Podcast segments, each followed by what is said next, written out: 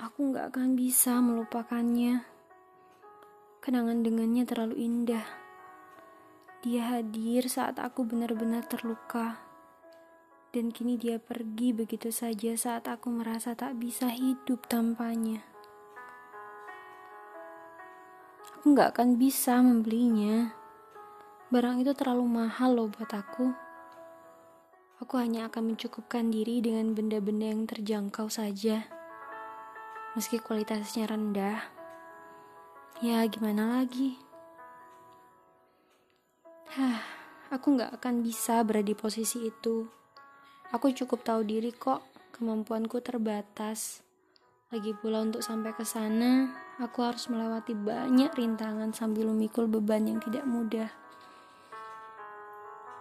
Aku gak akan bisa buat dia bahagia. Kami selalu saja berselisih paham dan berdebat. Kami bahkan mudah bertengkar untuk hal-hal sepele. Mungkin kami memang tidak ditakdirkan buat bersama. Aku gak akan bisa. Apalagi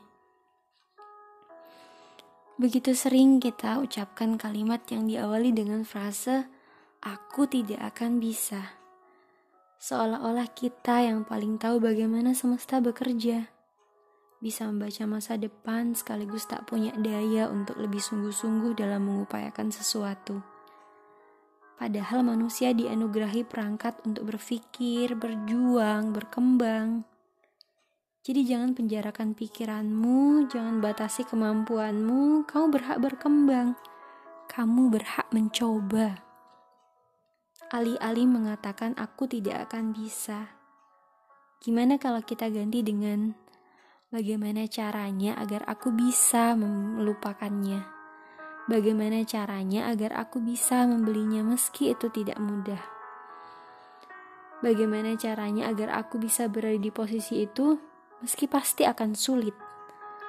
Gimana caranya agar aku bisa membuatnya bahagia? Bagaimana caranya agar aku bisa bisa apa terserah pengen apa? Mengeluh dan berjuang itu sama-sama menghabiskan energi. Jadi ada baiknya kita memilih aktivitas yang membawa perbaikan buat diri kita. Setuju kan?